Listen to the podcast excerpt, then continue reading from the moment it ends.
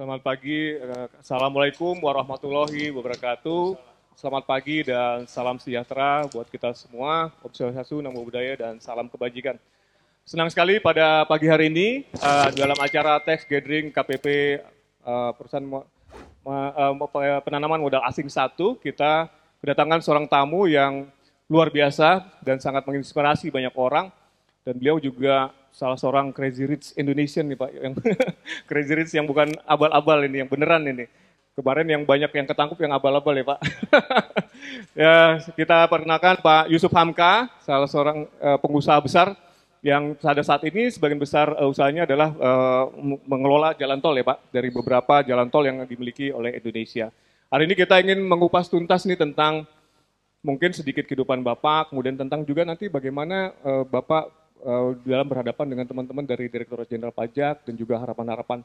Karena kita tahu bahwa Bapak ini udah sebagai udah kayak duta pajak nih Pak, tapi dari sisi pengusaha jarang-jarang orang mengklaim dirinya sebagai duta pajak. Ini sangat luar biasa sekali dan tapi di sisi lain Bapak pengusaha besar yang kalau saya yakin pasti sangat sibuk tapi rela untuk membagi waktunya sharing dengan kita semua dan saya rasa teman-teman dari KPP PMA 1 dan juga yang hadirin pada uh, ada pada hari ini juga ingin mendengar seperti apa uh, gambaran mengenai uh, diri Bapak dan juga hal-hal yang bisa menginspirasi kita semua.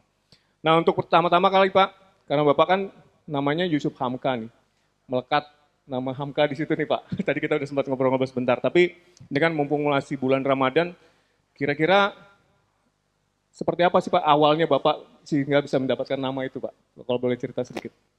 Assalamualaikum warahmatullahi wabarakatuh teman-teman dari DJP yang sangat saya banggakan dan insya Allah dimuliakan Allah Subhanahu Wa Taala. Terima kasih atas kesempatannya dan atas pertanyaan Bapak tadi, ya memang nama Hamka ini waktu tahun 81 itu beliau ulama besar. Saya juga nggak ngerti kenapa Buya berkenan memberikan nama beliau di belakang nama saya, tetapi pasti pemikiran beliau pasti bukan one step ahead tapi ten step ahead. dan hari itu saya sebenarnya hanya masuk Islam dan diislamkan oleh Buya Hamka. Terus dua tiga bulan kemudian saya dibuatkan acara syukuran lalu diangkat sebagai anak ideologis Buya.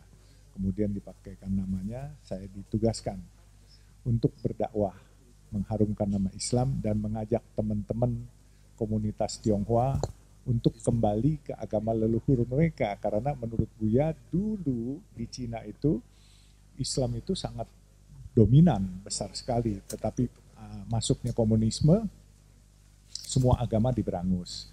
Sehingga Buya bilang ada hadis tuntutlah ilmu itu walaupun sampai ke negeri Cina jadi sehingga harus ajak mereka siapa tahu dapat hidayah kembali ke agama leluhur kira-kira gitulah tugasnya dari Buya Luar biasa Pak. Itu kalau Bapak berarti kan cukup dekat Pak ya, kalau anak ideologis. Ada nilai-nilai atau values yang ditanamkan oleh Buya Hamka ke Bapak yang Bapak ingat sampai sekarang kira-kira Ini mumpung masih bulan Ramadan Pak. Sampai ngobrol-ngobrol.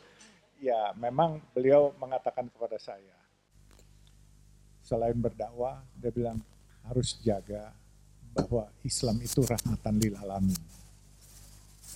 Walaupun kamu berbeda agama, kamu harus tetap menyayangi mereka karena kita sekemanusiaan dan sekebangsaan.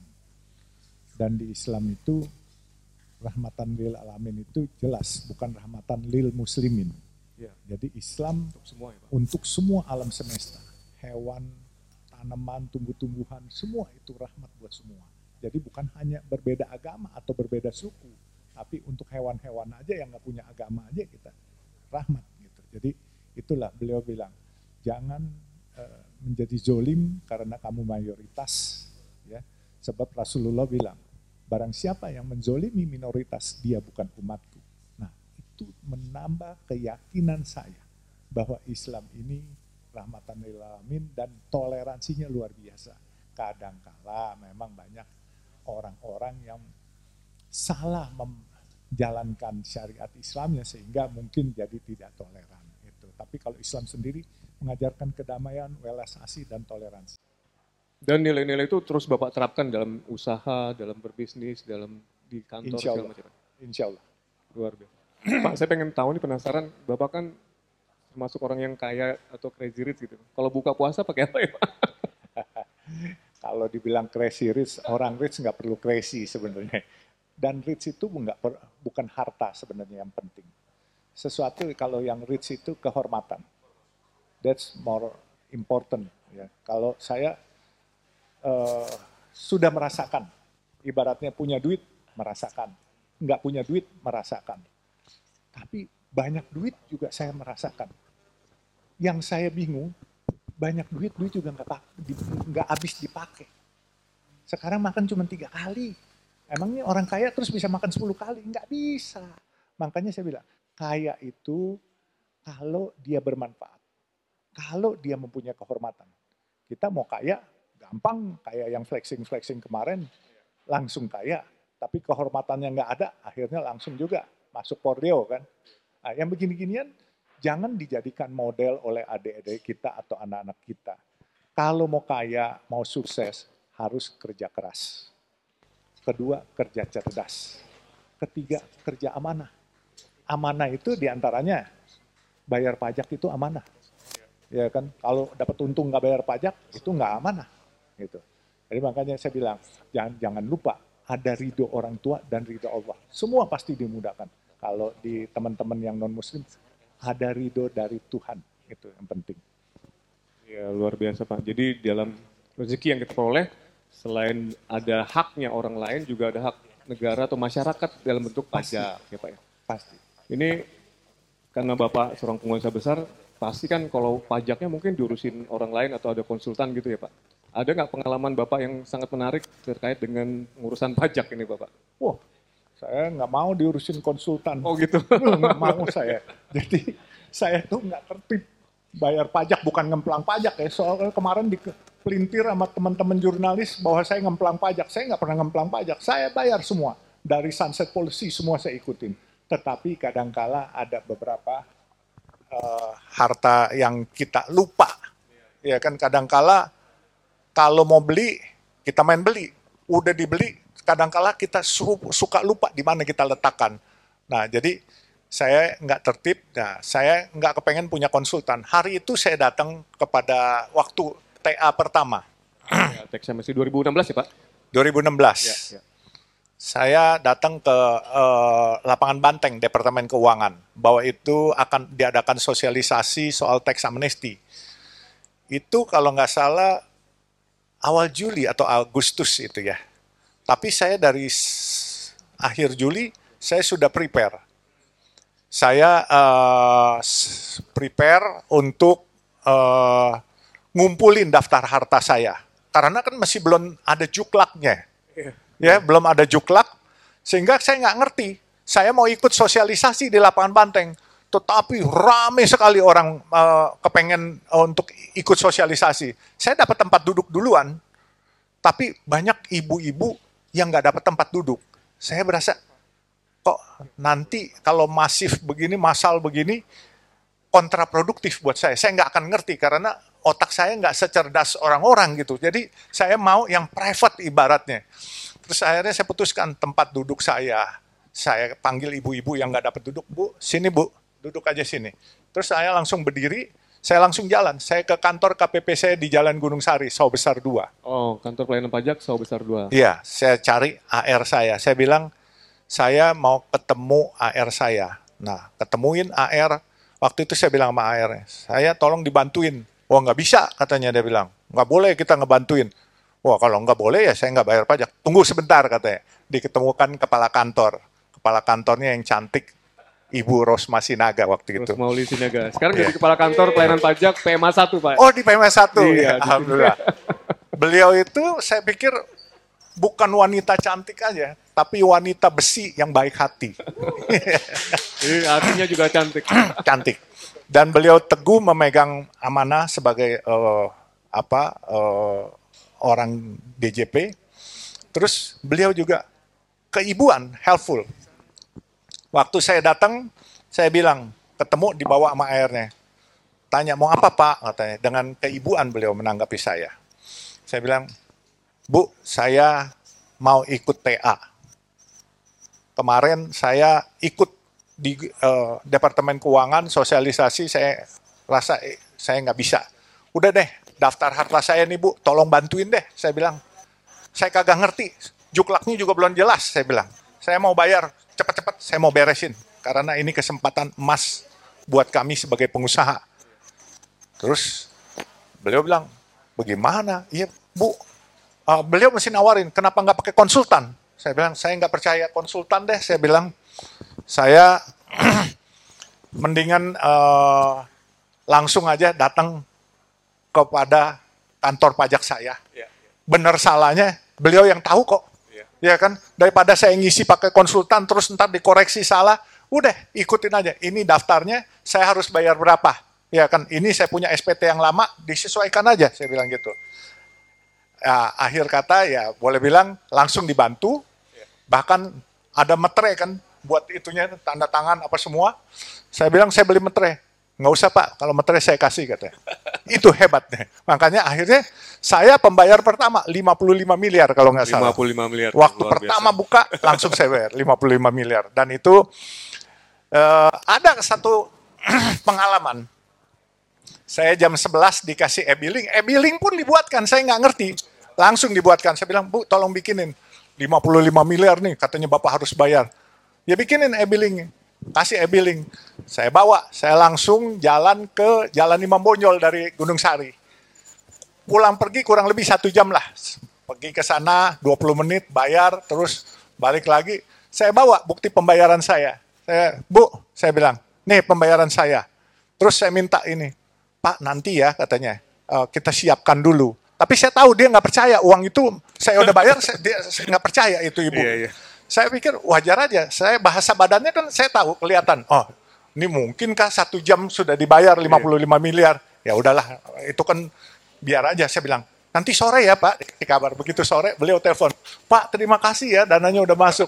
Ibu tadinya ibu nggak percaya ya satu jam duitnya udah masuk. Dia ketawa itu. Jadi sangat berkesan ya Pak pengalaman pada saat eksamen itu. Terus sangat Bapak menceritakan berkesan. hal ini ke teman-teman Bapak yang lain? Oh saya himbau, bukan saya ceritakan. Saya himbau. Saya bilang pemerintahan sudah silih berganti. Dari orde lama, orde baru sampai reformasi. Tidak ada presiden dan menteri keuangan yang berani membuat teks amnesti seperti ini. Iya. Ini kalau bukan presidennya berani dan menteri keuangannya berani, nggak akan terjadi. Dan semua kita diampuni yang lalu-lalu dosa-dosa kita itu kan boleh bilang saya mulai usaha tahun 80-an gitu. Banyak yang nggak tertib, semua kan udah langsung dosa terampuni. Jadi di uh, write off semuanya. Jadi yang penting kita bayar ke depannya. Dan saya merasakan gini, kadangkala, kadangkala kalau ada surat dari kantor pajak, entah itu PBB atau panggilan pajak, pemeriksaan pajak, perut saya suka mules, Pak.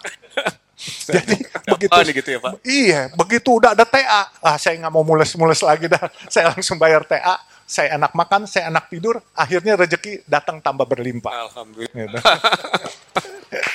Rokah berarti Pak. Barokah. Kuncinya bisa membuat tidur kita kejar-kejar uh, sama surat cinta lah ya dari Betul. pajak. Jadi kalau kita hidup memang diajarkan agama untuk sadako. Hmm. Kalau kesempurnaan milik Allah yeah. tapi kelengkapan milik negeri. Yeah. Jadi sedekah nggak akan lengkap tanpa bayar pajak yang benar. Luar biasa. Ini kalau semua masa seperti Bapak, kita tugasnya agak lebih ringan. Iya, iya. Ini juga Pak, um, kan tadi Bapak menyampaikan ada teks. Kita punya uh, yang saat ini sedang kita gembar-gemborkan juga yang akan berakhir pada bulan Juni 2022 ini yang kita sebut dengan program pengungkapan sukarela ya modelnya memang uh, apabila masih ada yang misalnya dulu Bapak teks amnesti udah ikut, terus masih ada lagi nih ternyata nih, maklum kan hartanya banyak ya Pak, jadi mungkin ada yang kelupaan. Itu kita masih beri kesempatan Bapak untuk uh, mengikuti program uh, pengumpulan sukarela ini. Dan saya, kita sih berharap juga nanti Bapak juga memberitahu kepada koleganya atau teman-temannya supaya juga bisa ikutan program ini ya Pak. Waduh, saya bukan hanya memberitahu, tapi saya juga udah ikut sekali berapa hari yang lalu saya udah bayar oh, juga, lagi. udah ikut. Cuman hmm. saya sudah bicara sama orang saya. Ini ikut sekali kita biasa seperti kemarin-kemarin TA pertama tiga kali kita ikut. Oh gitu. Jadi ini insya Allah juga tiga kali deh pokoknya sampai akhir Juni. Karena uh, rupanya masih banyak yang tercecer juga yang kita lupa sehingga kita masukkan dan paling tidak kan begini. Janjinya pemerintah kan sudah dibuktikan dengan TA pertama bahwa 2000 uh, eh, sampai 2015 nggak dikutik-kutik. Dengan peng, uh, eh, TA kedua ini program pengungkapan sukarela sampai 2020 nggak dikutik-kutik kalau nggak salah dari 2016 ya sampai 2020 kita kan sebagai manusia biasa tidak luput dari rasa keliru, lupa, pasti takutnya ada yang lupa kececer kecil-kecil. Daripada kena 30% plus dendanya lagi 200%, kan mendingan bayar sekarang 8% atau 14% kalau nggak salah. Jadi yang penting bayar syaratnya dulu. Oh ada yang lupa sekarang sedikit. Oh udah yang mana dulu, pokoknya dibayar dulu. Jadi kita sudah bayar dan bahkan saya menganggap pemerintah ini luar biasa terlalu berani memberikan kenikmatan kepada pengusaha. Oh gitu ya? Iya. Jadi, tapi bukan hanya terlalu berani, terlalu bijak kalau menurut saya. Bijak. Nah, kemarin saya juga bilang sama Bu Menteri waktu ada acara waktu bulan Maret kemarin. Spektakuler. Iya, spektakuler. Saya bilang, Bu harus fair dong dilayani wajib pajak.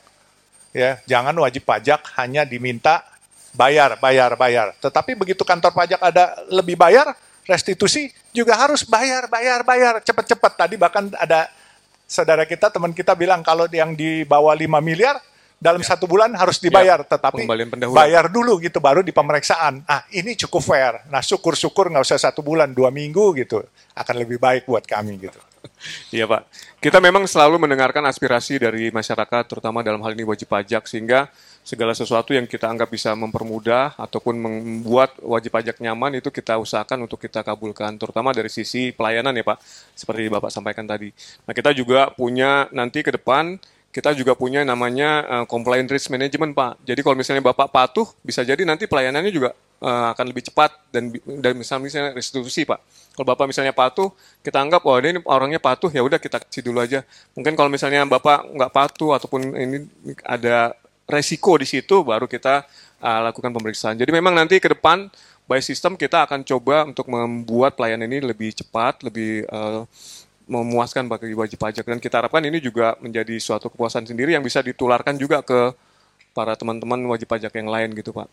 Ya, ya saya harap sih bahwa itu uh, bisa juga selain sistemnya dibuat, tentunya uh, manusianya juga perlu diberi edukasi supaya ber, apa sih berlaku fair gitu, fair to each other gitu. Jadi Uh, sebab buat pengusaha kadangkala uh, uang itu nggak boleh mati, Pak.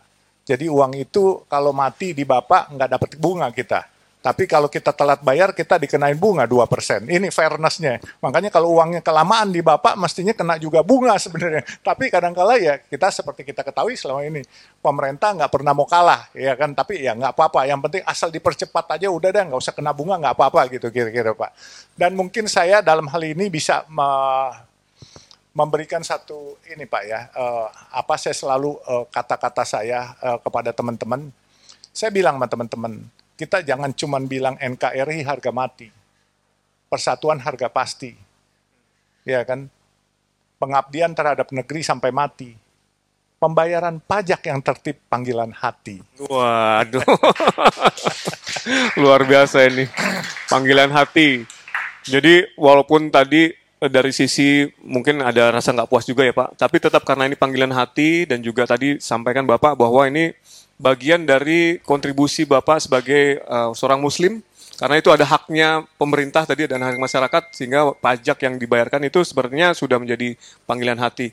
Uh, kita sebenarnya pengen juga Pak untuk uh, memberikan apa pendekatan secara apa ya, secara lebih humanis nih kepada ini bapak yang bapak sampaikan ini pendekatannya lebih humanis nih dibandingkan kalau kita sosialisasi kan kadang-kadang aturan regulasi gitu ya pak ya. keputusan dirjen pajak nomor sekian pasal sekian. Orang nggak mudeng gitu pak. Tapi kalau bapak yang ngomong seperti ini rasanya kita jadi adem gitu pak. Karena ketulusan hati ini nggak bisa dihargain dengan angka-angka ya pak ya. Dan pertanyaan ya mungkin uh, karena mungkin bapak uh, agak sibuk bisa nggak pak bapak ceritakan kalau misalnya nanti harapan Dijen pajak ke depan seperti apa? Apalagi nanti kan anak cucu Bapak pasti nanti juga akan menjadi penerus Bapak kira-kira apa yang masih bisa dikerjakan oleh teman-teman Direktur Pajak supaya menjadi lebih baik lagi, Pak? Selain yang tadi Bapak sampaikan. Gini, Pak, kalau boleh saya sumbang saran ya. Uh, pakailah cara-cara yang uh, manusiawi tanpa intimidasi. Kadangkala uh, Dirjen Pajak sistemnya sudah bagus, tetapi generasi muda yang baru-baru lulus sekolah yang masuk menjadi uh, pegawai Dirjen Pajak ini tentunya harus uh, diberikan edukasi yang lebih mumpuni sehingga tidak sok-sokan terus mengintimidasi. Sebab kalau pajak ini diintimidasi orangnya akan lari. Tapi kalau dirangkul sebagaimana Ibu Rosmauli, saya dirangkul ya sampai sekarang saya ikut terus sama Ibu Rosmauli. Jadi makanya Pak saya lihat yang lain-lain bagus, tetapi kalau dari generasi muda, kadangkala saya sempat kemarin ini mengurus uh, pajak putri saya. Itu karena dia ada terima transfer dari saya, terus dianggap pendapatan, gitu. Padahal itu kan yang namanya orang tua uh, kadangkala utang atau pinjam itu diganti. Dia buat biaya rumah sakit, terus saya gantiin gitu ya, namanya sayang anak. Terus langsung mau dibebankan pajak. Waktu saya coba datang, saya komunikasi, yang bersangkutan anak-anak muda bilang, mau bayar-bayar, kalau enggak saya buat SKP. Nah, kalau yang begini saya pikir akan wajib pajaknya lari nih. Ya kan, tapi kalau di entertain baik-baik, ini aturannya loh, kalau begini. Nah, terus ya dilihat juga case by case Pak. Kan nggak semuanya itu merupakan pendapatan. Itu dia pakai kredit card, dia berobat.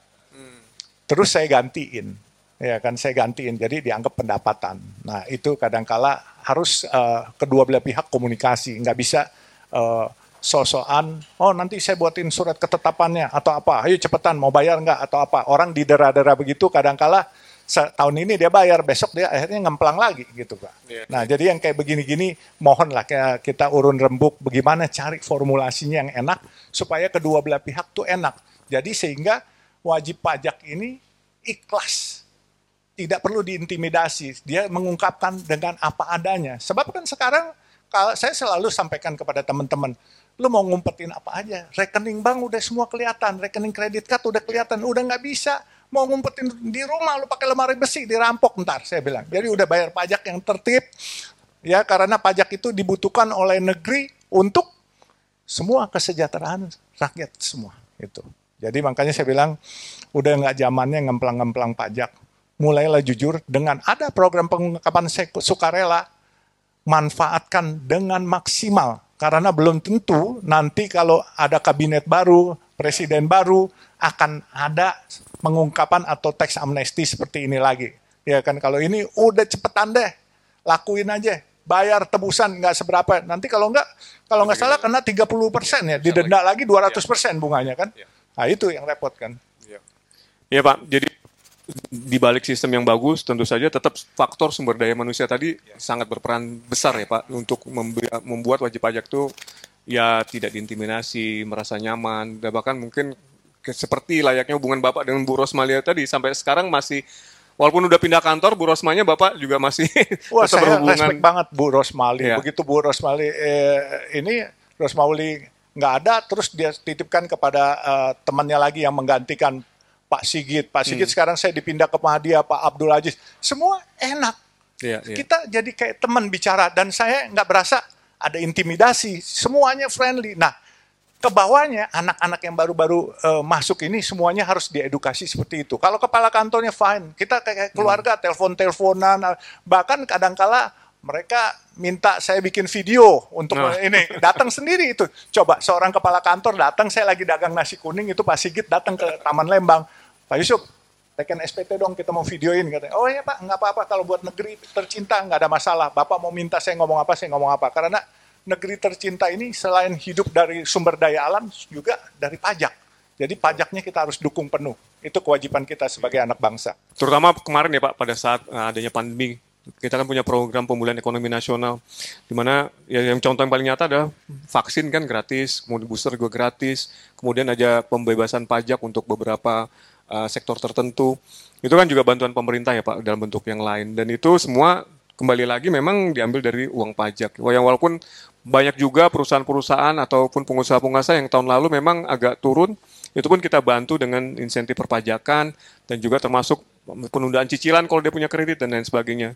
Itu memang uh, program pemerintah dalam hal ini APBN yang berperan untuk sebagai istilahnya Bu Menteri itu uh, kontrasiklus supaya uh, penderitaan masyarakat karena pandemi ini tidak terlalu menjadi berat. Nah ini terbukti ternyata cukup uh, ampuh karena pertumbuhan ekonomi kita udah keluar dari resesi dan dibandingkan dengan negara-negara lain kita termasuk yang paling cepat.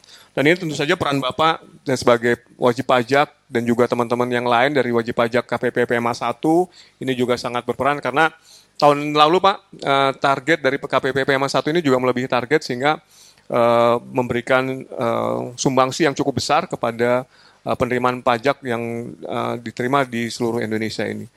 Nah, ini terakhir lagi nggak apa-apa ya Pak? Masih boleh Pak? Boleh, boleh, nggak ada masalah, santai aja. Kalau nih Pak, misalnya nanti dari sisi apa Bapak sebagai pengusaha, kemudian uh, kita kita tahu Bapak punya program uh, mem, ingin membangun seribu masjid kalau nggak salah ya Pak, masjid Babah Alun ya kalau nggak salah namanya Pak.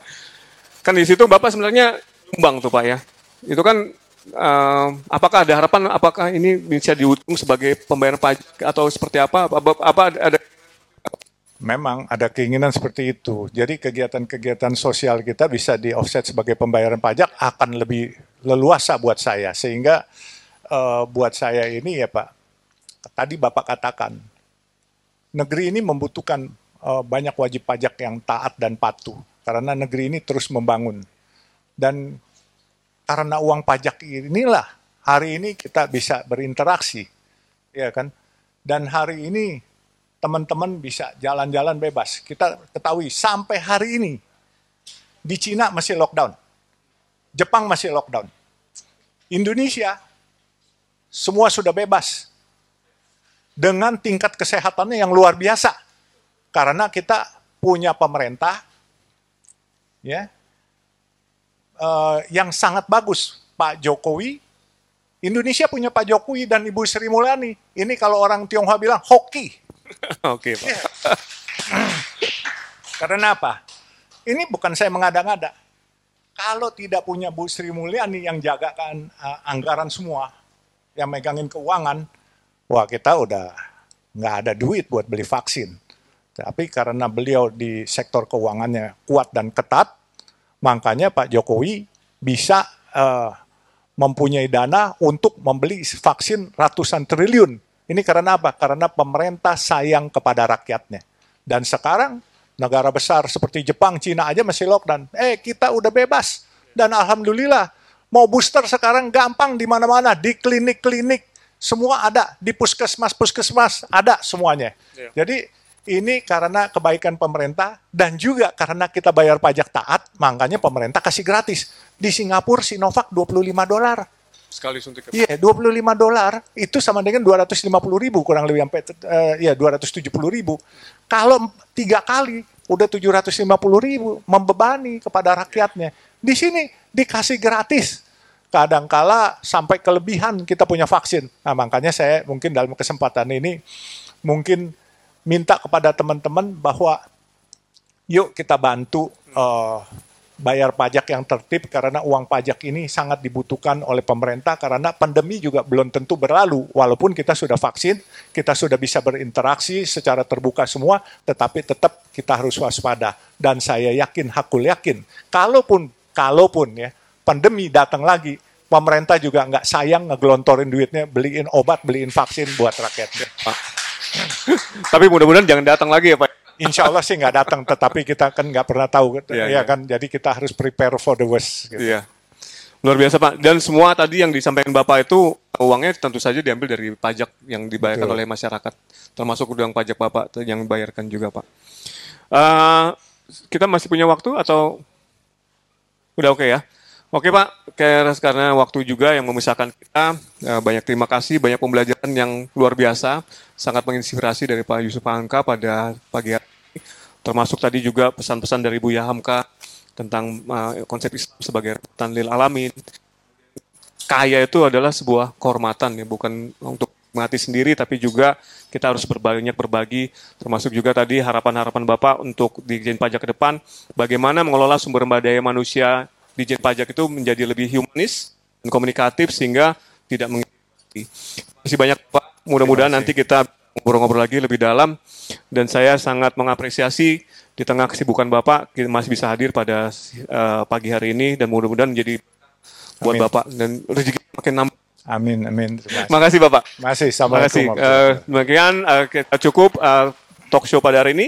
Uh, saya kembalikan kepada Mas Tommy sebagai MC. Terima kasih. Wassalamualaikum warahmatullahi wabarakatuh. Waalaikumsalam.